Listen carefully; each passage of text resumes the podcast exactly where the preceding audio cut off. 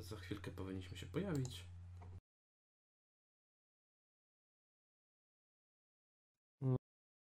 Czy udostępnisz mi link do tego streama? Oczywiście.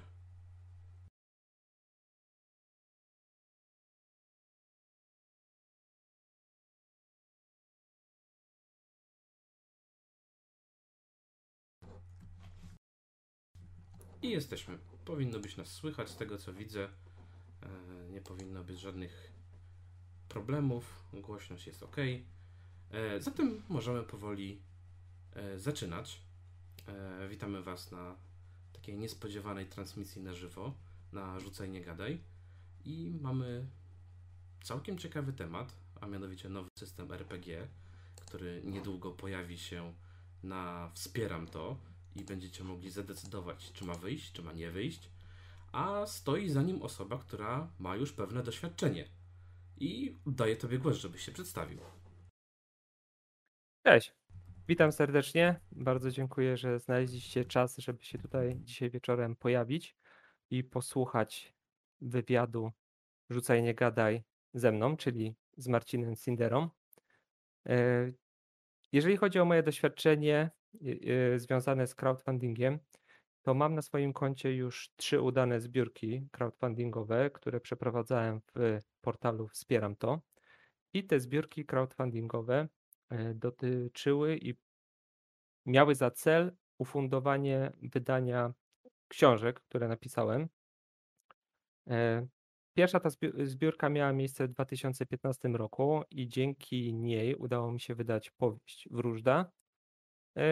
Dwa lata później, również za pomocą zbiórki crowdfundingowej, wydałem drugi tom tej powieści, powieści czyli Żmi. I w międzyczasie jeszcze wykonywałem dodruk wróżdy również za pomocą zbiórki crowdfundingowej. W chwili obecnej książki znalazły wydawcę, jest to wydawnictwo Lira i dystrybuujemy je już w taki, taki standardowy sposób, czyli książki są w księgarniach, empikach, dostępne w hurtowniach, w internecie. One zostały przepakowane, przeszły jeszcze raz redakcję, korektę, poprawiliśmy je i można by powiedzieć, że w chwili obecnej pracuję nad trzecim tomem tej historii, żeby zamknąć po prostu ten cykl słowiański, bo jest to e, fantastyka, e, która dzieje się w czasach przed Mieszkiem I. Można by powiedzieć, że należy do takiego nowego nurtu, który się pojawił, czyli fantastyki słowiańskiej. No, powiem Ci, wsparłem y, pierwszą zbiórkę. Y, zakupiłem jeszcze egzemplarz, u mnie jest. E, pewnie pamiętasz, bo pewnie wysyłałeś. Ale tak do rzeczy. Zadam Ci pierwsze pytanie, które mi się właściwie nasuwa jako osoby, która czytała Twoją książkę. Dlaczego nie RPG właśnie w takim wczesnym, wcz wczesnym etapie państwa polskiego, w, właśnie gdzieś pod Gniezdnem? Dlaczego nie takie fantazy? Dlaczego glina akurat? Nie, nie ukrywam, że ten pomysł przechodził mi przez głowę i to wielokrotnie. E, ja muszę powiedzieć, że jestem wielkim fanem systemu Iron Thorn e, i ten system wydaje mi się po prostu stworzony i idealny do tego, żeby rozgrywać w nim sesje dziejące się w czasach przed Mieszkiem I. Natomiast tak jak rozmawialiśmy przed tym wywiadem na, tutaj na, na kanale, ja wykonałem dosyć duży research związany z tym, co powinno się pojawić na rynku i mamy już e, system osadzony w takim klimacie, są to Słowianie. I nie chciałem powielać tego pomysłu, no bo byłaby to pewnego rodzaju konkurencja. E, a nie mamy na rynku żadnego systemu, który by poruszał właśnie temat gry policjantami. Miałem również taki pomysł i wydawało mi się, że jest potrzeba na rynku, żeby stworzyć system, który będzie nadawał się do tego, aby wprowadzać nowe osoby do naszego hobby. Jak wiesz, bardzo wie, wiele systemów, które są w chwili obecnej dostępne na rynku, to są przeogromne podręczniki. E, format A4, twarda oprawa, 500 stron, z tego około 350 to są zasady. Ciężko jest wprowadzić nowych ludzi, nowych graczy w takie systemy. bardzo wielu odbiorców gier RPG miało wcześniej styczność z grami planszowymi. I tam nie ma problemu nieznajomości instrukcji e, przed grą. Dlaczego? No bo te instrukcje składają się z 5, 10, 20 do 30 stron A4. Gracze gier planszowych są w stanie przeczytać instrukcje i grać później zgodnie z zasadami. Natomiast gracze RPG jest z tym pewien problem, że zasady zna w większości przypadków mistrz gry, a gracze, no niestety, nie udało im się zapoznać z podręcznikiem, nie kupili tego podręcznika, pojawiają się na sesji. To się na szczęście zmienia, ale cały czas jest jakimś tam problemem. I tutaj właśnie Glina miał być takim systemem, który jest prosty. Na zasadzie nie ma zbyt wielu zasad. Oczywiście one się zaczęły pojawiać w trakcie tworzenia podręcznika, składania go, testowania i tak dalej, ale ten rdzeń mechaniki jest bardzo prosty i on jest tylko i wyłącznie, można powiedzieć, że składa się z takich poszczególnych elementów, które można kopiować i przez to ta mechanika rośnie, ale ona nie jest e, coraz bardziej skomplikowana, tylko jest jeden główny rdzeń tego systemu, czyli mechanika Iron Sworda w rzeczywistości, czyli pewna odmiana e, PBTA. E, odpowiedziałeś mi bardzo wyczerpująco na pytanie, a nawet więcej niż pytałem.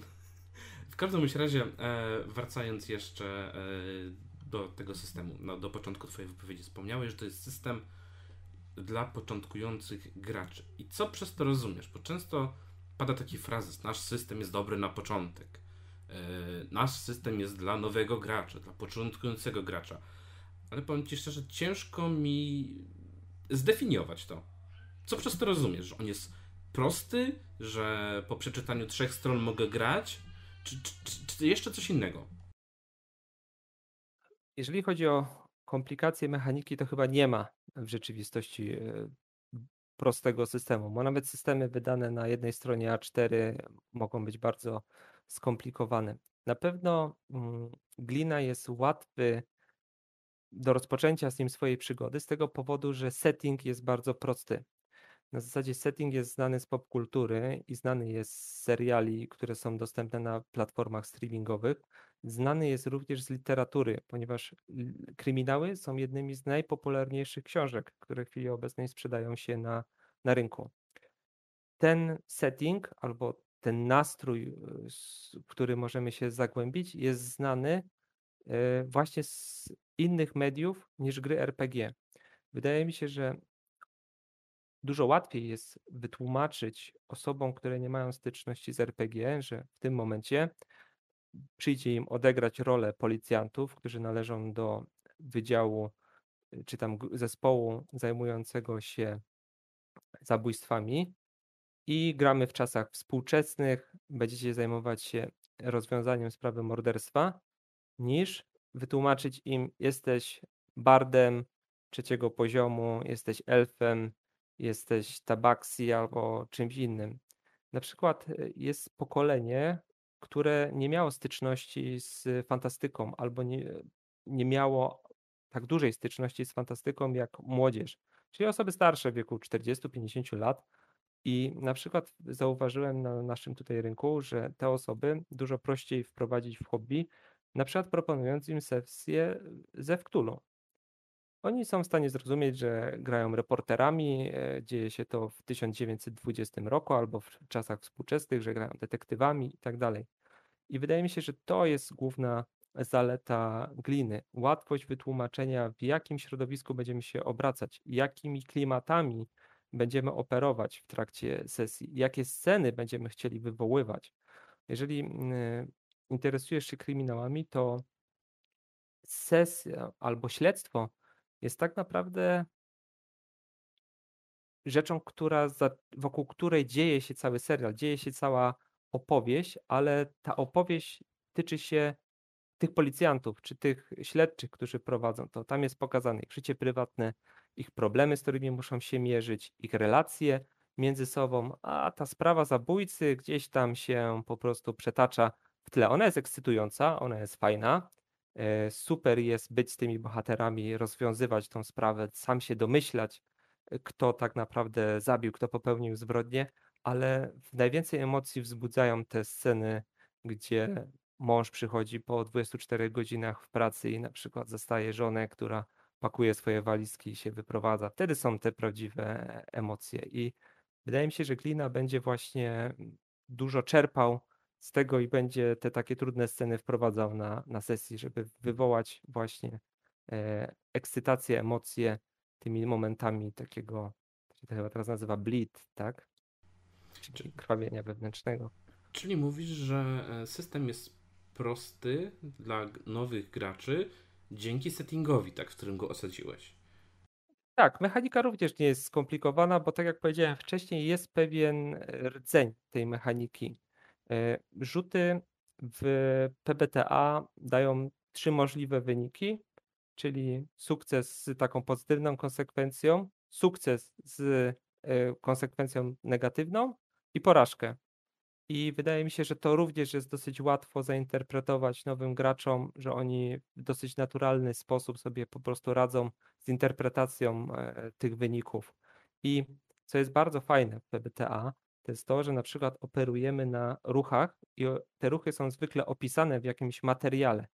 Gdy dzieje się to i to, zrób to i to. Wtedy na sukcesie dzieje się A, B, C, D, na porażce dzieje się Z, Y, W. I nowi gracze mogą spoglądać do tych pomocy, mogą z nich korzystać, e, mogą wspierać się po prostu nie tylko i wyłącznie swoją wyobraźnią i jakąś tam wyimaginowaną interpretacją reguł, które są w podręczniku na stronie nie wiadomo jakiej, tylko mogą korzystać z tych materiałów. E, proces tworzenia postaci w PBTA jest super. On jest oparty o playbooki, tak? czyli takie gotowe karty postaci, które wystarczy po prostu powypełniać e, zgodnie z listami, które tam są zaproponowane i mamy bohatera stworzonego w 10 minut ten prep, czyli przygotowanie do sesji, nie zajmuje wiele czasu, co jest świetną rzeczą, żeby nie zanudzić nowych ludzi czy nowych graczy y, na sesji. Wiesz, ja dużo jeździłem po konwentach swojego czasu, kiedy jeszcze mogliśmy, i zdarzało mi się, że na przeprowadzenie sesji mieliśmy 3 do 4 godzin, y, bo takie były po prostu bloczki, w których mogliśmy grać. I zdarzyło mi się przyjść na sesję gdzie proces tworzenia postaci na tej sesji zajmował dwie godziny z tych czterech. I stwierdziłem, no przecież to jest jakieś marnotrawienie czasu, mojego marnotrawienie czasu innych graczy, marnotrawienie czasu mistrza gry, że przychodząc na sesję na konwencie, trzeba mieć przygotowane postacie, jakoś tam wprowadzać tych graczy. I to, to przygotowanie przed sesją zaś odbiera tą możliwość własnego kreowania postaci. A PBTA daje ci playbook, drukujesz go, dajesz graczowi, w 10 minut on uzupełnia co trzeba, ma gotową postać, może rozgrywać swoją pierwszą sesję. To są mm, wspaniałe zalety po prostu z systemów w porównaniu do tych takich tradycyjnych gier, które są ogromne, mają mnóstwo zasad, trzeba drukować karty postaci, przedzierać się przez cały proces tworzenia postaci, dobierać talenty i tak dalej, i tak dalej. Tak, tak może jeszcze wytłumaczmy dla tych osób, które nie wiedzą, co to jest ten playbook, tak? Playbook to jest ta tabelka, według której interpretujesz po prostu wykonany rzut. I sprawdzasz rzut na kości, tak? Pytanie, jakie to kości? Szóstki, dziesiątki? Mówimy o ruchu, bo playbook to jest y, opis y, postaci, prawda? A... Tak, ale no też zawiera y, te ruchy, które de facto możemy wykonać, tak? Oczywiście, to, to jest racja.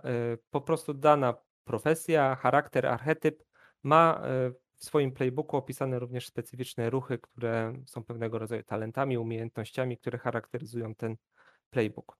W glinie będziemy korzystać z trzech kości. Kości K6, czyli kości sześciościennej oraz dwóch kości K10, czyli kości dziesięciościennych. O, ciekawie, A... bo tak jak na PBTA to nietypowo. Tak, PBTA standardowo korzysta z dwóch kości sześciościennych. Ta sytuacja zmieniła się w kulcie. Y, tam y, stosowane są dwie kości dziesięciościenne, natomiast Iron Sword zastosował kość sześciościenną, która jest y, dodawana do atrybutu i ewentualnie jakichś bonusów, które się pojawiają. I wynik na tej kości sumowany powinien być wyższy od jednej lub od dwóch kości dziesięciościennych, którymi rzucamy w pewnego rodzaju kontrze.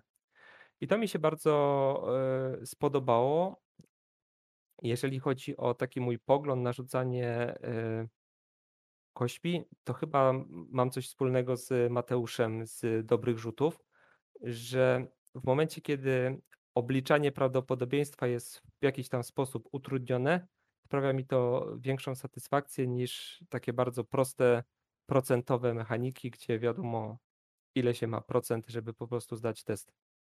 I tak jak PBTA i rzucie dwoma kośćmi sześciościennymi to, to prawdopodobieństwo jest bardzo łatwo wyliczyć, tak w przypadku rzutu kością sześciościenną i dwoma dziesiątkami już jest troszeczkę trudniej i trzeba się zagłębić w probabilistykę, żeby to, to policzyć.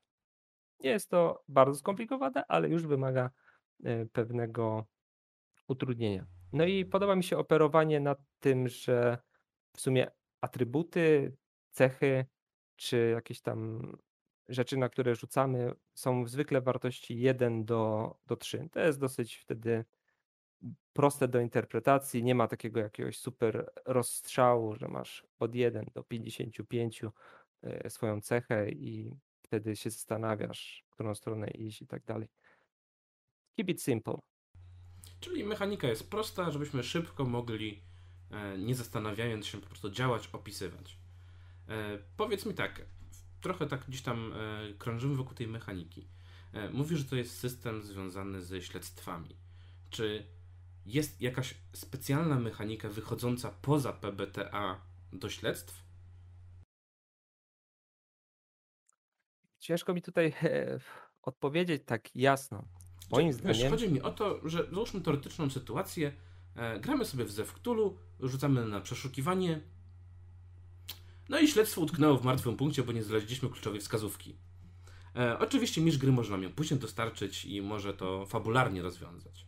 I pytanie, jak jest w glinie? Wchodzę do pokoju, szukam śladów, rzucam kością, nie wyszło mi i co wtedy? Jeżeli będziemy rozpatrywać tę mechanikę w ten sposób, to tak, powiem szczerze, że jest specjalna mechanika dotycząca śledztwa. E, I to było tak naprawdę największy problem zaprojektowania gliny, to było wymyślenie tej właśnie mechaniki. Jak sobie poradzić z problemem dotyczącym sesji śledczej, czyli nie znajdywania tropów, dowodów E, poprzez oblane testy. I ten problem został rozwiązany w mechanice Gamszu. Tam mechanika zakłada, że jesteś specjalistą i jeżeli e, jesteś tym specjalistą, to dowody, tropy odnajdujesz automatycznie. E, z tego powodu, że właśnie jesteś w tym wyspecjalizowany. Mistrz gry ci je daje, a ty jako gracz masz je zainterpretować. Jeżeli chcesz jakby pogłębić dany temat, możesz po prostu spalić daną umiejętność i wtedy mistrz gry powinien zaoferować ci coś jeszcze.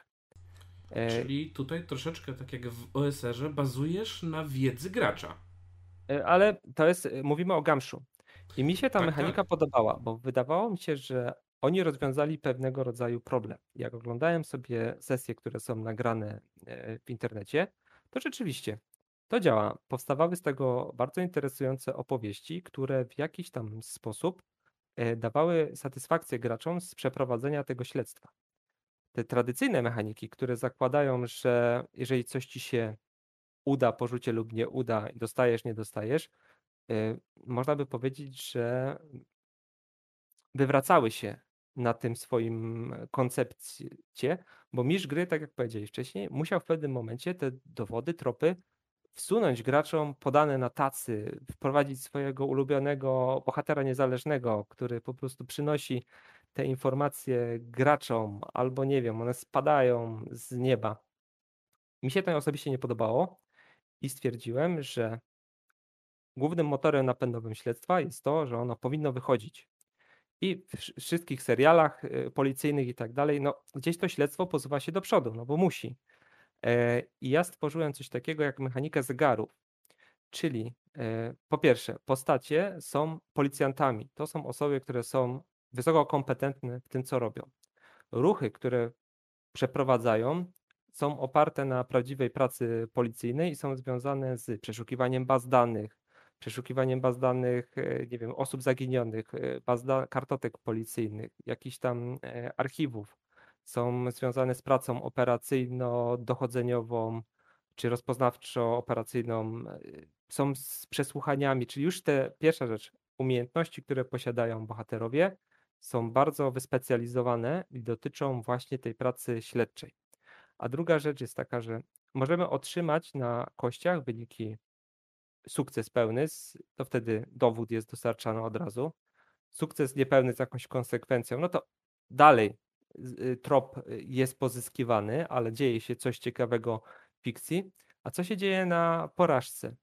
Uruchamiany jest zegar, czyli gracze w danym konkretnym momencie nie otrzymują tej, tego tropu, który potrzebują, ale mogą na przykład poświęcić pewną metawalutę, ma, którą mają, czyli swój czas pracy i otrzymać ten dowód za ten czas pracy, czyli będziemy siedzieć nad tym y, przez, świadkiem dłużej w pracy, zostaniemy po prostu po godzinach, będziemy go tam męczyć, wypytywać i tak dalej, i ten dowód zostanie w pewnym momencie dostarczony. Mogą e, poświęcić czas pracy, żeby przeszukiwać miejsce dłużej. Płacą swoim czasem, swoim życiem prywatnym, swoim zmęczeniem i tak dalej, żeby dowód pozyskiwać.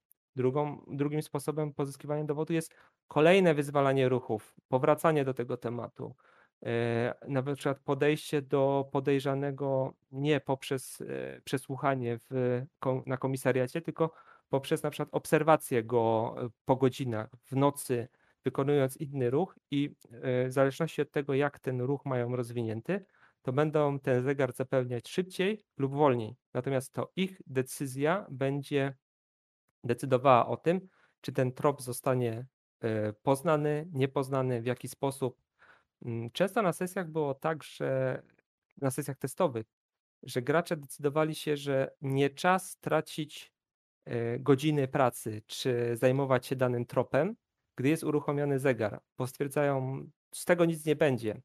E, skupmy się na jakichś innych wątkach e, śledztwa. I na przykład okazywało się, że zdobywali kolejne dowody, które w jakiś tam okrężny sposób wracały do tego zegara i jednak stwierdzali, że może warto się na nim e, skupić, choć początkowo wydawał im się nie tak ważny, e, jak się okazało to później. Także od decyzji graczy będzie zależeć, czy oni będą po prostu te tropy zdobywać, czy też je ignorować. No dobra, e, załóżmy teoretyczną sytuację. Opowiedziałeś troszeczkę o tym, jak to wygląda. Pierwszy rzut na, nie wiem, przeszukiwanie pokoju po miejscu zbrodni. Nie wyszedł mi.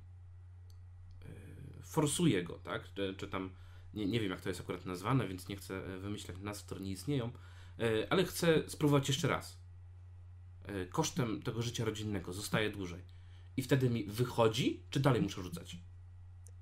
Chodzi. W zależności od tego, bo te zegary mogą mieć różny poziom swojej komplikacji. Czy zegar będzie od 1 do 10. Bo ten zegar działa na takiej zasadzie jak Fortune Dar, czy coś innego jeszcze? Tak jak w PBTA, po prostu dzielimy zegar czy tam ścieżkę postępu, progress tracka, tak jak to jest w, mhm. Iron Stormie, na po prostu części. E, I w zależności od tego, jak to jest skomplikowane, to nadajemy temu zegarowi od 1 do 10 elementów, które należy zapełnić.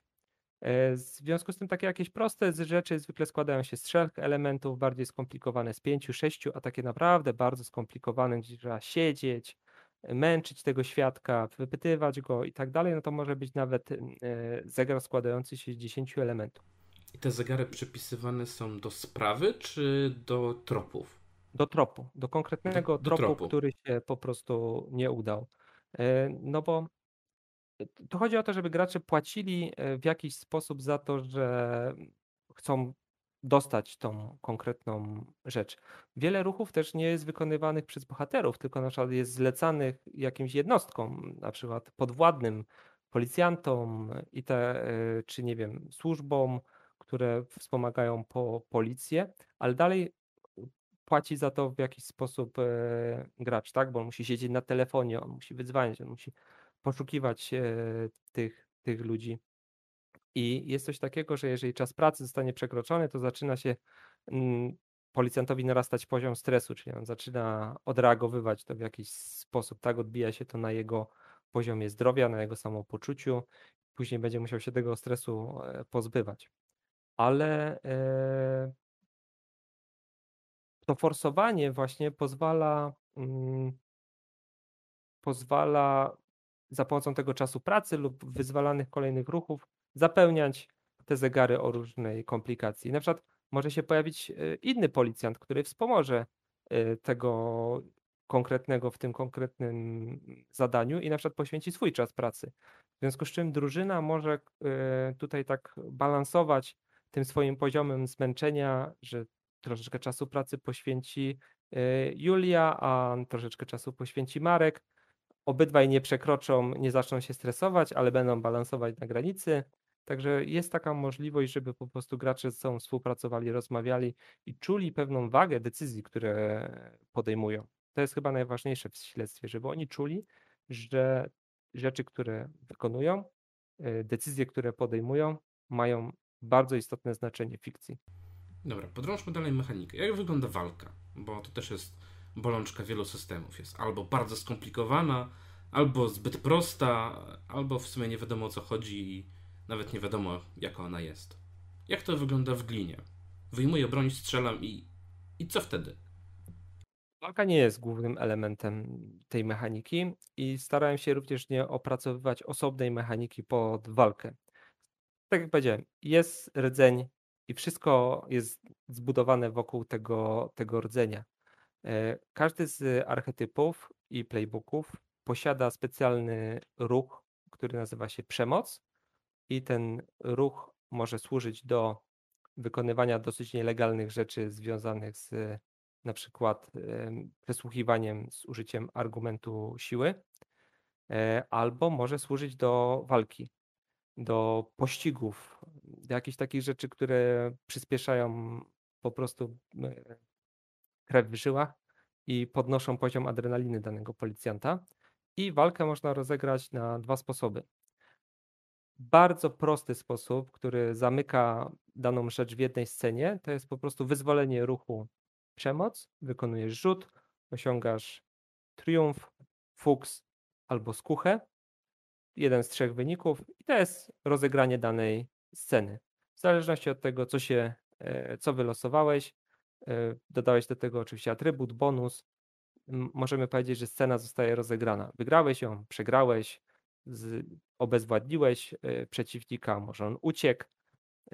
Jeżeli to jest za mało i jest to zbyt mało ziarniste i za mało scen jest związanych z tym, można ten element troszeczkę rozbudować i pokonywać przeciwnika poprzez walkę z jego zegarem. Czyli właśnie pojawia się progress track, zegar, w zależności od mm, jak bardzo ten przeciwnik jest skomplikowany do, do pokonania, to yy, albo ten zegar jest składający się z mniejszej ilości ele liczby elementów, albo jest bardziej skomplikowany, na przykład obezwładnienie jakiegoś nastolatka, który się awanturuje, będzie dużo prostsze niż rozegranie sceny strzelaniny z gangsterami pod McDonaldem.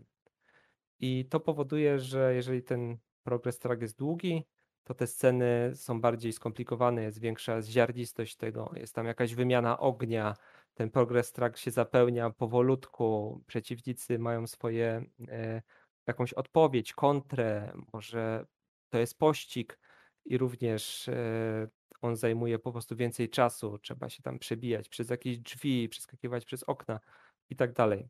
Także to są dwie propozycje walki do, roz, do rozwiązywania konfliktów w glinie.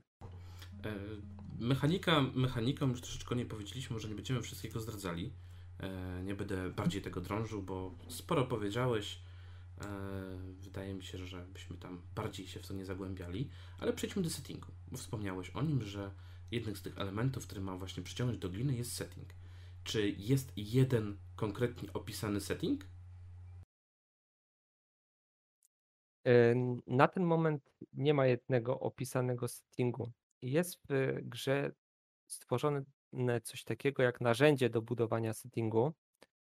I to jest narzędzie, które jest przeznaczone dla bardziej doświadczonych graczy albo osób, które wiedzą, czego oczekują. I tam można wybrać na przykład poziom brutalności na sesji, e, jak wygląda wasz komisariat, czy gracie sesję w jednym konkretnym miejscu, e, czyli na przykład w jednym mieście, czy może podróżujecie po całym świecie, żeby rozwiązywać e, sprawy kryminalne. Można skorzystać z tego narzędzia, jeżeli się wie, czego się oczekuje, albo można po prostu bazować na propozycji, która jest opisana w podręczniku, i ta propozycja pokazuje graczom świat taki znany z naszej e, rzeczywistości polskiej, czyli dostęp do broni nie jest tak łatwy jak w Stanach Zjednoczonych. E, jest podział, jasny podział na dzień i noc, czyli jest czas pracy, jest noc, w który, podczas której działają bandyci, jest jakiś tam komisariat i tak dalej. Czyli jest, jest to opisane. Natomiast mm, settingu jako takiego nie ma.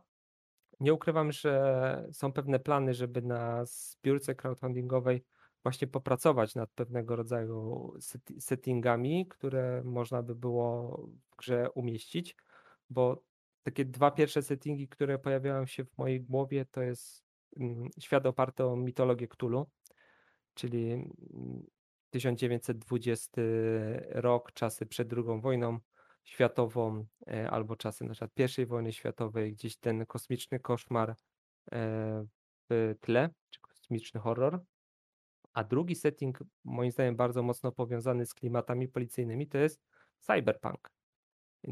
Ja, moim zdaniem, y, w ogóle cyberpunk y, jest y, idealnym settingiem do tego, żeby rozgrywać sesje śledcze, czyli wszelkie jakieś kluby nielegalnych rozrywek, wszczepy, które pozwalają ci, nie wiem, zgrywać swoją pamięć, wspomnienia, całkiem sporo ciekawych seriali się właśnie pojawiło w platformach streamingowych, czy nie wiem, Blade Runner jest w jakiś sposób też dla mnie takim filmem, który jest w jakiś sposób e, związany z tematem policyjnym, z tematem, tematem śledztwa. Czyli mówisz, że w podręczniku jest, e, tak jak tutaj Aris dopytuje, e, Iris, e, narzędzie takie, tak, do budowy świata sesji, tak, e, światotworzenia takiego jakiś zestaw pytań, tak? E, tak dokładnie, jest coś takiego. Jest oczywiście autor, czyli ja proponuję pewien setting, setting domyślny, gdzie to już jest zrobione i można z tego skorzystać. Natomiast jeżeli ktoś by chciał e, troszeczkę podrążyć temat i stworzyć swój własny setting, może skorzystać sobie e, z tego narzędzia. Powiem Ci tak, szczerze, tak jak mi opisałeś to wszystko, te settingi, E, dla mnie takim settingiem, którym ja bym chciał na pewno zagrać w glinę, to byłby Notatnik Śmierci, czyli manga Death Note, manga anime. Nie wiem, czy kojarzysz. Wiem, o czym mówisz, natomiast e, nie znam tego anime osobiście. Powiem ci tak, jest tam po prostu, nazwijmy to, osoba zła i osoba dobra z założenia. Jedna drugą ściga z tym, że jedna posiada supermoce. Tytułowy Notatnik Śmierci. E, I powiem ci szczerze, czy mogę zagrać, gdzie głównym złolem tego śledztwa będzie osoba z mocami nadprzyrodzonymi? Bo mówiłeś tutaj właśnie o settingu osadzonym w Ktulu, e, gdzieś tam w tych ktulowych klimatach. To pytanie, czy ja mogę prowadzić śledztwo przeciwko właśnie takim niezwykłym rzeczom? Na ten moment myślę, że będzie trudne. To znaczy, Śledztwo mógłbyś prowadzić, natomiast twoi bohaterowie nie mają ruchów ani w archetypach, które są stworzone, ani nie mają za ruch, podręcznik nie zawiera ruchów, które pokazują w jakiś sposób y, magiczne zdolności bohaterów, czy ich supermocy. Znaczy nie, nie mówię bohaterów, mówię y, właśnie tego, załóżmy takie właśnie y, odtworzenie tego dziennika śmierci, czyli osoba, która nie posiada supermocy, ale jest załóżmy, nie wiem, bardzo inteligentna, łapie właśnie złoczyńcę, który takie mocy posiada. Myślę, że to, że tutaj nie będzie problemu, żeby coś takiego rozegrać.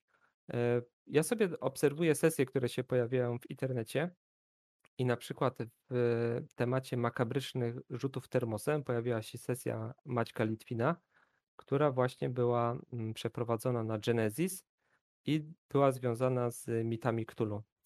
I wydawało mi się, że ta sesja idealnie by zagrała po prostu na, na glinie, bo tam byłyby postacie, które bardzo łatwo wpleść w motyw śledztwa, czyli policjanci, którzy muszą się zająć sprawą e, znalezionych zwłok.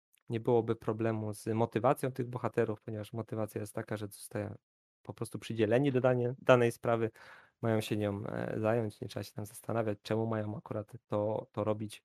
I te wszystkie ruchy, które wykonują, e, zdobywanie tropów, kolejne informacje, e, myślę, że to by fajnie po prostu działało, a nie byłoby żadnego problemu, żeby pokazać ten jakiś horror, czy coś, co by się działo, działo w tle. No właśnie, wspomniałeś sesję e, w, te, w ramach tego cyklu Makabrycem Rzuty Termosem i grali tam na Genesis. Dlaczego w takim razie ktoś powinien zagrać właśnie na glinie?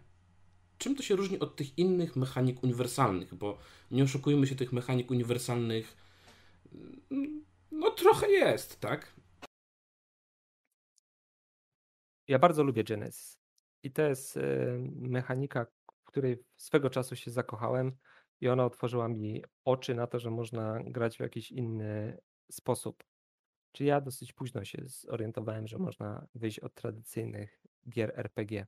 Moja pierwsza przygoda z PBTA była dosyć e, brutalna i krótka, e, natomiast teraz to jest chyba ten mój taki mm, domyślny system, w który lubię, lubię grać. E, dlaczego nie, nie na Genesis? Genesis jest fajne, ale ma swoje wady. Trzeba mieć specjalne kości, które kosztują bardzo dużo pieniędzy, moim zdaniem. Należy kupić podręcznik, który jest bardzo, ale to bardzo skomplikowany. Moim zdaniem ta mechanika jest pełna crunchu, czyli to jest kolejna kobyła, którą należy poznać, żeby grać. Jak już masz stworzoną postać, e, to te sesje są całkiem fajne, natomiast ja mam pewien problem z interpretacją tych e, symboli, które się tam pojawiają. Bo na przykład czasami wydarzy ci się porażka plus pięć rzeczy korzystnych, które się tam wydarzą. I, i na makarycznych rzutach termosem ja widziałem, że ekipa też miała z tym czasami problemy, że czasami woleli po prostu to zostawić, że w przyszłości coś się tam e, pojawi. No a PBTA daje ci tą możliwość, że masz ruch, od razu wiesz, co się dzieje, od razu wprowadzasz to do fikcji. To jest dużo e, prostsze. E, wyniki masz trzy. Sukces z pozytywną konsekwencją, sukces z negatywną i porażkę. I to jest, PBTA jest dużo po prostu prostsze żeby, żeby tak to rozgrywać. No właśnie, wspomniałeś o Genesis, że jest skomplikowane, e, że niektórzy grają e, w Genesis bez części Genesis.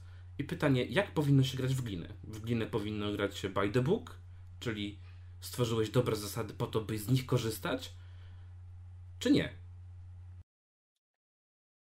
Ej, trochę mnie podchodzisz, bo moim zdaniem zasady zostały stworzone w dobry sposób. To znaczy, mechanika była bardzo intensywnie testowana i tutaj bardzo dużą pomoc uzyskałem od y, testerów. Od Pawła, od Kamili, y, od, od Michała i na bieżąco zmienialiśmy te rzeczy.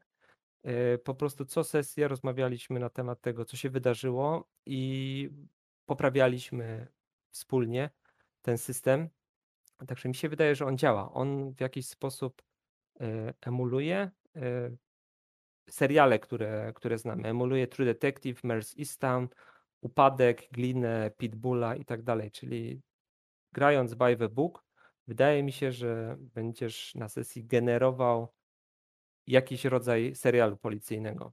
Będą sceny e, zmagania się ze swoimi problemami, będą sceny rodzinne, Mogą być sceny pościgów, mogą być jakieś strzelaniny, jest zdobywanie kolejnych tropów, radzenie sobie ze stresem, jakieś wybuchy nagłe e, policjantów, e, nieuzasadniona przemoc, e, jakieś tam mroczniejsze takie, takie klimaty.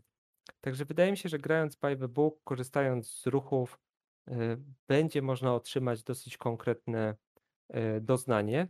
Natomiast jak to jest z PBTA? Z PBTA jest tak, że jeżeli ktoś trochę liznął ten e, system, tą mechanikę, to nie boi się eksperymentować, nie boi się wprowadzać swoich własnych ruchów, nie boi się troszeczkę tej mechaniki modyfikować pod jakiś swój vibe, swój flavor, który po prostu chce osiągnąć w trakcie sesji.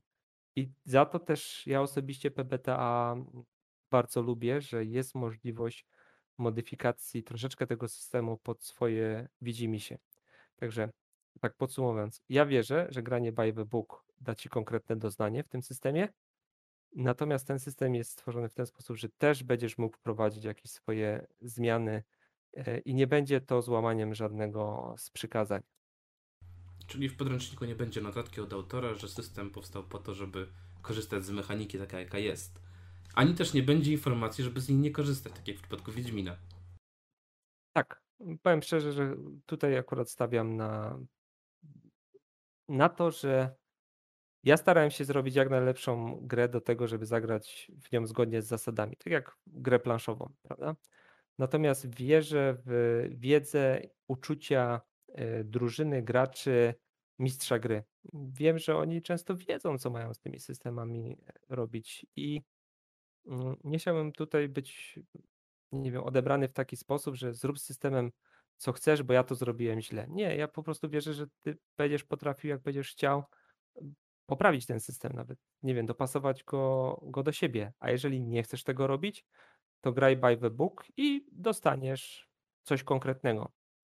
I to będzie działać. Powiedz mi, skąd wiesz, jak wygląda praca policjanta? Bo mm, mówisz tutaj o glinie.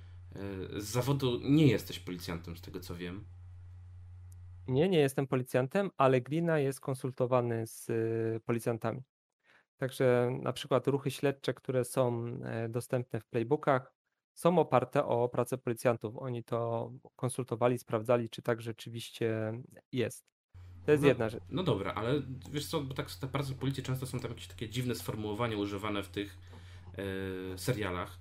Mam wrażenie, że nie do końca chyba nawet każdy e, czasami te sformułowania rozumie. E, czy tutaj też tak będzie, że w podręczniku dostanę, wiesz, masę słówek i, i googluj sobie, czy, czy jakoś to jest rozwiązane? W podręczniku dostaniesz e, słownik żargonu policyjnego. Będzie, to będzie pierwsza rzecz. Druga rzecz, każdy z ruchów jest wyzwalany w konkretnej sytuacji i ruch zawiera opis, kiedy powinieneś zastosować dany ruch, czyli gdy robisz A, B, C, D, wtedy dzieje się to i to. E, Także nie trzeba być policjantem, żeby jakby załapać, jak należy te rzeczy testować.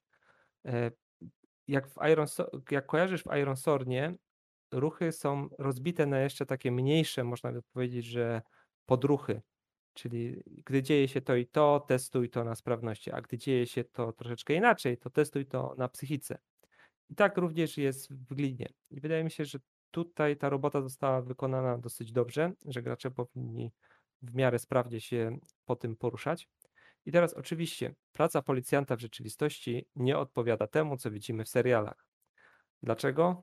Ponieważ praca policjanta często jest bardzo to bardzo nudna i związana jest z papierkową robotą, wypełnianiem mnóstwa formularzy i tak dalej.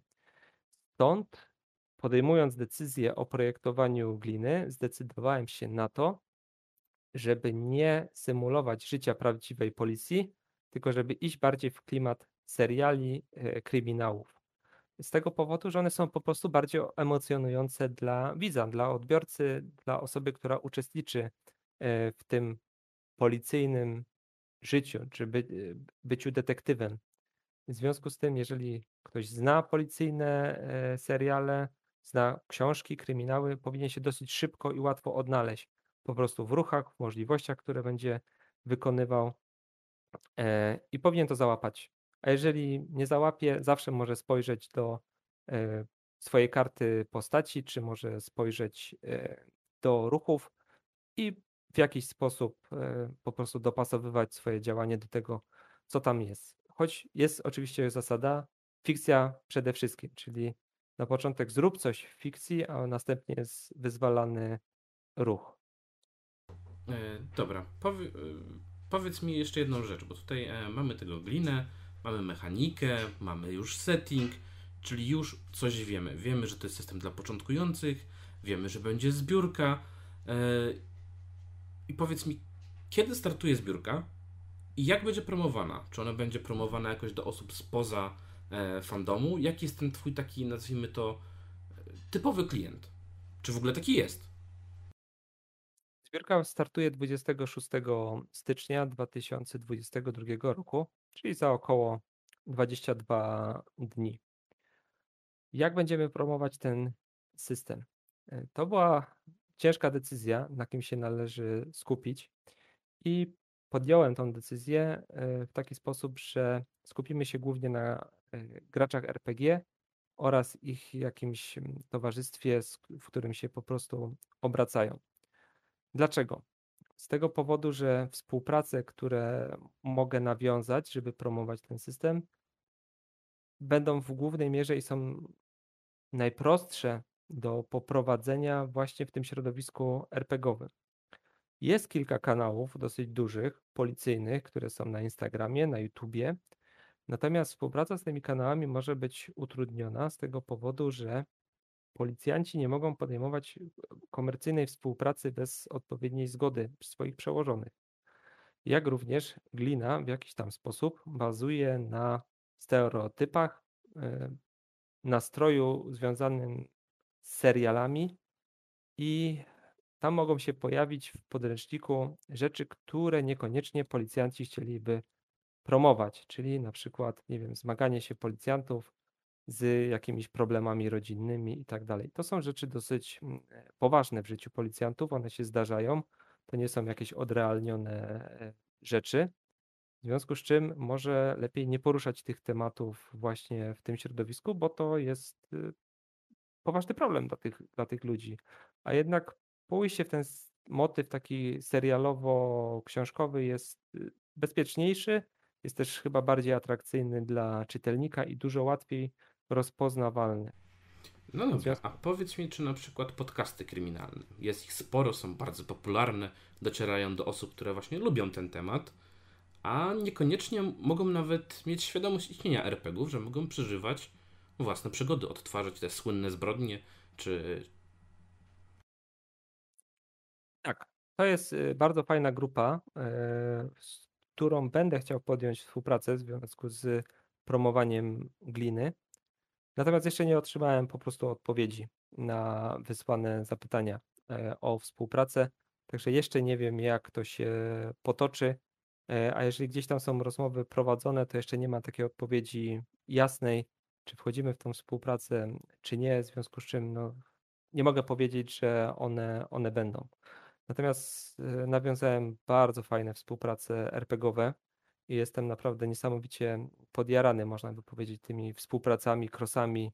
Udało mi się do Gliny zaprosić e, świetne nazwiska, e, świetne kanały i no nie mogę się po prostu doczekać, jak zaczniemy skupiać się na Glinie, promować to. A możesz być... zdradzić? W takim razie co to za kanały? Wolałbym nie, niech to jeszcze tak pozostanie e, okryte jakąś tam woalką tajemniczości. Chciałbym po prostu zacząć ujawniać im bliżej zbiórki, e, tym bardziej ujawniać, z kim będziemy współpracować, kogo się będzie można spodziewać e, na kanale. Jeszcze jest kilka rzeczy tam do dogadania, ale, ale jest fajnie. Naprawdę jestem strasznie zadowolony i tak jak mówię, po prostu się tym najzwyczajniej w świecie jaram. Powiedz mi, czy możesz zdradzić, jaką kwotę będziemy zbierali? Tak, to będzie 30 tysięcy złotych. Wydaje mi się, że kwota nie bardzo wysoka, ale też nie należąca do tych e, najniższych. E, jak wspominałeś na początku, ja już mam pewne doświadczenie ze zbiórkami crowdfundingowymi. E, one są rozliczane troszeczkę inaczej niż takie jakieś zwykłe wydawnictwo czy coś takiego. Tam są pewne opłaty dodatkowe, które trzeba ponieść. Ostatnio również mocno wzrosły ceny papieru w drukarni, także sam wydruk, który kiedyś nie stanowił jakiegoś większego problemu, w chwili obecnej staje się takim kosztem znaczącym w e, stworzeniu gry. No i niesamowicie e, moim zdaniem poszły w górę ceny wszelkiego rodzaju ilustratorów, grafików, tej takiej oprawy wizualnej. E, to jest rzecz, która jakby pochłonie większość po prostu kosztów związanych z grą RPG. Powiedz mi, czy będzie twarda okładka, czy będą tam jakieś zdjęcia, grafiki, e, ile to będzie miało stron, jaki format, e, bo na początku wspomniałeś, że A4 to są takie duże, więc domyślam się, że to nie będzie A4, nie będzie miało 300 stron, więc jak to będzie wyglądało? Docelowo będzie to format A5, w twardej oprawie, szyty podręcznik z e, takim standardowym papierem niekredowym. Ja nie jestem fanem kredowego papieru. On bardzo ładnie wygląda na półce, natomiast w trakcie użytkowania on jest dosyć e, problematyczny. E, I wolę zwykły papier, taki jak większość, większość książek. chciałbym, żeby podręcznik był brany na sesję i był używany. W związku z czym odchodzę od formatu A4, żeby ten podręcznik był po prostu poręczny. Tutaj nie będę ukrywał, że format gier Stinger Press czy właśnie Iron Thorn e, to są moim zdaniem idealne formaty podręczników, które można wykorzystywać i z których można korzystać na sesji. Po prostu łat, w sposób łatwy, przyjemny, e, że możesz wrócić do podręcznika, sprawdzić coś w nim, jest ci go łatwo zabrać e, na sesję z sobą, czy nie wiem, grając z kamerkami też łatwiej jest po prostu operować książką w formacie A5 niż otwierać wielki 500-stronicowy podręcznik, znaczy tam szukać, oczywiście uważając, żeby tych, tego delikatnego kredowego papieru nie uszkodzić w jakiś tam sposób, gdy będziesz przerzucał te strony. No i dzięki temu też e, ten podręcznik będzie na pewno dużo tańszy niż e, wiele innych podręczników dostępnych na rynku i to jest też taki cel, żeby ta gra nie była strasznie droga. Chciałbym, żeby ona była w jakiś tam sposób bardziej dostępna dla większej liczby czytelników. Chciałbym, żeby gra sprzedała się w dużej liczbie. Nie chodzi o to, żeby się sprzedała drogo, a mało, tylko żeby się sprzedała tanio, a dużo. Żeby ludzie grali w glinę i chcieli ten system choćby wypróbować. I jaki jest taki Twój cel? Ile osób chciałbyś, żeby kupiło? Ile myślisz, że kupi? Masz jakieś takie prognozy w głowie, którymi możesz się podzielić? Prognozy to idą w tysiące, ale nie, żartuję oczywiście, ale myślę, że, że dużym sukcesem będzie, jeżeli 300 niezależnych użytkowników kupi glinę. Niezależ...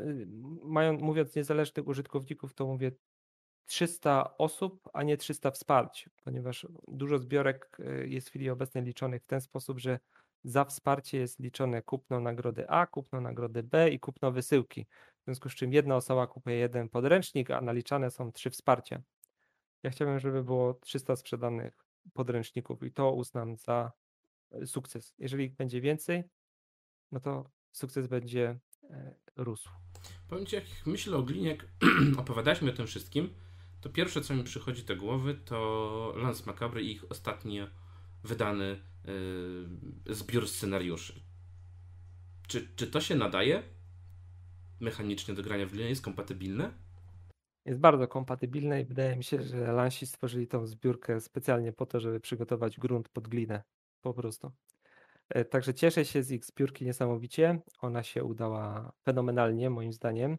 Była bardzo fajnie przeprowadzona. Na zasadzie e, oni wiedzieli, co chcą zrobić, jak chcą zrobić, i e, po prostu stwierdzili, że zrobią to dobrze, nie rozbuchując tej zbiórki do nie wiadomo jakich e, wymiarów. Oni mieli konkretny plan, który udało się zrealizować i jak widać, który zagrał, czyli uniwersalne scenariusze do systemów śledczych, dokładnie o seryjnych mordercach. Myślę, że Glina i Case Files to będą produkty, które się będą po prostu idealnie uzupełniały. Czyli jeżeli macie Case Files, możecie dokupić Glinę i wtedy będziecie mieli system do zagrania przygody lansów. Jeżeli kupicie glinę, to proponuję, żebyście równocześnie kupili case files. Wtedy będziecie mieli scenariusze, które będziecie mogli zagrać na glinie. No właśnie, mówimy o scenariuszach. Czy w podręczniku będzie jakiś gotowy scenariusz, chociaż jeden? Nie. Będą to raczej moduły albo settingi lub e, propozycje spraw. Nie będzie czegoś takiego jak gotowe scenariusze. Z tego powodu, że glina jest grą, która w pewien sposób jest napędzana play to find out, tak? Czyli mm, graj i zobacz, co się wydarzy. E, oczywiście sesja śledcza i zbrodnia, która została popełniona, musi mieć pewne ramy. Natomiast e, ona nie musi być liniowa. I Glina będzie zakładał współpracę albo granie z takim narzędziem, które ja nazywam mapą myśli. To są te wszystkie mapy, które z serialach e, możesz kojarzyć, że policjanci mają jakąś tam tablicę i zaczynają doklejać zdjęcia, łączyć fakty. I wydaje mi się, że glina i sposób, w jaki ja prowadzę, w jaki był projektowany, zakłada granie właśnie na takiej mapie myśli, wiązania ze sobą faktów, podążania za poszczególnymi po prostu rzeczami. E, i nie jest to liniowe, że od punktu A przez punkt B do C, tylko z tej z takiego sandboxa, można by powiedzieć, ty musisz wywnioskować, kto i w jaki sposób popełnił daną zbrodnię. Wydaje mi się, że to założenie, które poczyniłem, jest niesamowicie satysfakcjonujące dla graczy, ponieważ oni odkrywają poszczególne kapelki, które zaczynają się na tej mapie myśli pojawiać. Następnie zaczynają widzieć coraz szerszy kontekst tej sprawy, która się wydarzyła, i czują, że to oni odkrywają to, co się wydarzyło, że nie są prowadzeni po sznurku przez mistrza gry, tylko oni wykonując ruchy, będąc tymi policjantami, decydując się na przesłuchanie świadka A zamiast świadka B, odkrywają coś i to jest niesamowicie satysfakcjonujące po prostu dla nich. Właściwie dowiedziałem się bardzo dużo. E, ja jestem naprawdę e, zaciekawiony. A czy zdradzisz nam, czy w progach ukryłeś jakąś perełkę, którą możesz nam powiedzieć? Czy jest coś takiego, na co liczysz, że się e, ufunduje taką jakąś swojego takiego, wiesz? To jest bardzo ciekawe pytanie, bo mm, rozmyślałem nad zbiórką, obserwowałem inne zbiórki i postanowiłem troszeczkę odejść od schematu, który jest y, powielany tutaj na naszym crowdfundingu, czyli Glina będzie przede wszystkim rozbudowywał poprzez osiągane progi treść podręcznika, czyli na przykład treść podręcznika zostanie rozszerzona o dodatkowe playbooki, e, albo druga rzecz, która się pojawi, to jest e, ulepszenie wydruku podręcznika, jego, jego jakości. E, na przykład takie podstawowa rzecz nie zakłada obwoluty, a jednym z progów dodatkowych jest obwoluta, czyli taka nakładka na e, okładkę twardą, która ma ją chronić i ma również nadać zupełnie inny wygląd temu podręcznikowi. Oczywiście obwolutę można ściągnąć, ale może się fajnie prezentować na półce z innymi książkami. Czy na przykład, nie wiem, zakładka w postaci tasiemki, również wersja podstawowa tego nie przewiduje, ale jeżeli osiągniemy dany próg, to będzie można ten podręcznik wzbogacić o taki element. Czyli te elementy będą się przeplatać. Troszeczkę rozbudowy podręcznika o dodatkowe rzeczy, troszeczkę ulepszenia książki jako takiej. To jest jedna rzecz. Druga rzecz, nad którą e, właśnie myślę, czy jest w planach, żeby się pojawiła w trakcie zbiórki, to są te dodatkowe settingi. Czyli na przykład wprowadzenie jakichś ruchów, playbooków albo jakieś takie drobne zmiany w podręczniku, które umożliwią granie na przykład w innych czasach. Jeżeli byś chciał grać w 1920 roku, głupio, żeby w playbookach były dostępne ruchy techniki komputerowe albo bazy danych. Ale może być na przykład biblioteka albo, nie wiem, antykwariat czy coś takiego, prawda? Żeby można było po prostu zmienić sobie troszeczkę klimat gry, w którą będziesz, będziesz grał. Zadam Ci takie y, pytanie, które mm, nie liczę na jakąś poważną odpowiedź. Ale powiedz mi, czarodzieju, go, czarodzieju goblinie, czy w monastyrze można by taki setting zrobić? Eee, monastyr tak inspirowany jest... oczywiście, bo tutaj... Monastyr to jest moja wielka miłość z przeszłości. No właśnie, eee. tak się chciałem zapytać, czy jednym może z ukrytych progów jest e, właśnie śledztwo w takiej krainie fantazy, która ja... odpowiadałaby po części monastyrowi. Ja cały czas liczę, ja cały czas liczę, że Ignacy Trzewiczek w końcu znajdzie czas na to, żeby przepisać monastyr y, jeszcze raz i wydać tą grę ponownie. Natomiast na ten moment. Na Wiesz ten co, moment... wydaje mi się, że prędzej wyda edycję 2022 jak Neuroshima niż cokolwiek zmieni. Ale dlatego się tak pytam. Bo pisałeś kiedyś scenariusze do monasteru, tak, więc dlatego ja ciekawi mnie, czy gdzieś tam to ja jestem autorem dodatku fanowskiego do, do Monastyru, który traktował o Agari. Tam wspólnie z redakcją portalu e, Polter stworzyliśmy taki dodatek.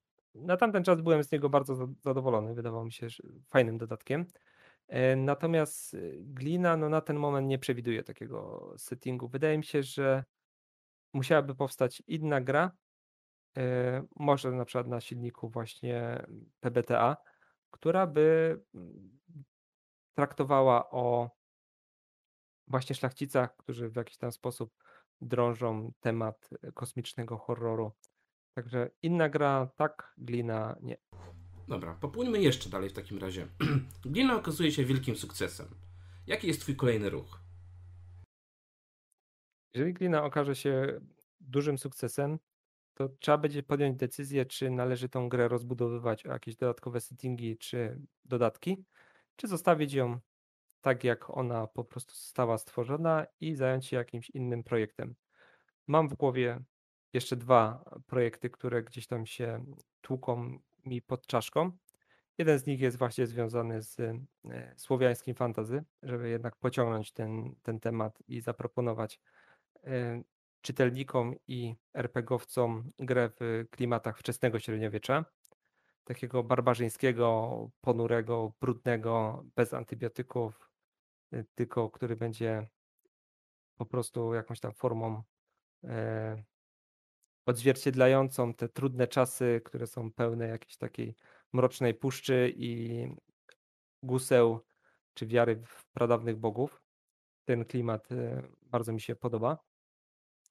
No a kolejną rzeczą, która gdzieś tam się tłucze mi po głowie, to jest system Dark Fantasy, właśnie inspirowany monastyrem. Coś takiego chciałbym zobaczyć jeszcze raz na polskiej scenie RPGowej. Coś, co czerpie pełnymi garściami z tamtego vibe'u i wkłada to wszystko w ramy nowoczesnych mechanik, które wspierają opowiadanie takiej sobie właśnie historii. Powiem Ci, na większość moich pytań odpowiedziałeś. E, będziemy oczywiście śledzić i, i zbiórkę, i będziemy informować, co tam się e, dzieje. E, na koniec zostawię Tobie. Może coś chciałbyś dodać, powiedzieć? Może Tobie zabrakło jakiegoś pytania, miałeś przygotowaną świetną odpowiedź, a ja widzisz, nie zadałem tego pytania. Bardzo się cieszę z, z Twojego zaproszenia tutaj do udziału w tym podcaście. Cieszę się, że mieliśmy okazję porozmawiać. E, to jest bardzo mobilizujące do dalszej pracy, że ktoś wykazuje jakieś zainteresowanie projektem i cieszę się z tego powodu niesamowicie. A w tym miejscu standardowo chciałem podziękować wszystkim osobom, które brały udział w pracach nad gliną. E, ich udział był bardzo ważny i bez ich pomocy na pewno glina nie byłby tym systemem, który jest na dzień dzisiejszy. Także e, jest specjalne miejsce przeznaczone dla tych osób w podręczniku, jeżeli uda się go wydać, żeby tam po prostu wyrazić odpowiedni szacunek dla, dla tych osób. No i już w tym momencie cieszę się na współpracę, którą udało mi się nawiązać w związku z tym projektem. I tak jak już mówiłem wielokrotnie, jestem tym faktem podekscytowany i nie mogę się doczekać, żeby zobaczyć, co uda nam się wspólnie z Gliną podziałać. Zatem nie pozostaje mi nic innego, jak zaprosić Was na zbiórkę. Oczywiście wszelkie linki e, i informacje będą w opisie. I dziękuję Tobie również za rozmowę, że znalazłeś ten czas i chęć, żeby porozmawiać o swoim dziele. No i nie pozostaje mi nic innego, jak czekać na pierwsze sesje. Bo na koniec tylko powiem, że jeżeli chcecie obejrzeć sesję, ale na wcześniejszej mechanice przed e, poprawkami, to możecie to zrobić na E, kanale Dobrych Rzutów. Dokładnie, na kanale Spoko Rzuty, ponieważ Dobre Rzuty się tak. ro, ro, rozdzieliły. Przepraszam, na kanale Dobre Rzuty Sesje. O, tak to jest e, prawidłowo, czyli Czerwony Goblin w tle. Tam jest sesja, która się nazywa Sprawa Anny M. Dzieje się w Krakowie e, i tak jak tutaj Marek wspominał, no niestety e, jest to gra na zupełnie innej mechanice, ale jakiś tam vibe możecie poczuć policyjnego śledztwa. Zresztą gracze super się tutaj spisali, stworzyli bardzo charakterystyczne, charakterystycznych bohaterów, których no z tego co słyszałem, to niektórzy chcą zobaczyć w jakichś innych odsłonach, że zobaczymy, co się uda z tym temacie również podziałać. Zatem jeszcze raz dziękujemy za rozmowę i zachęcamy do współpracy.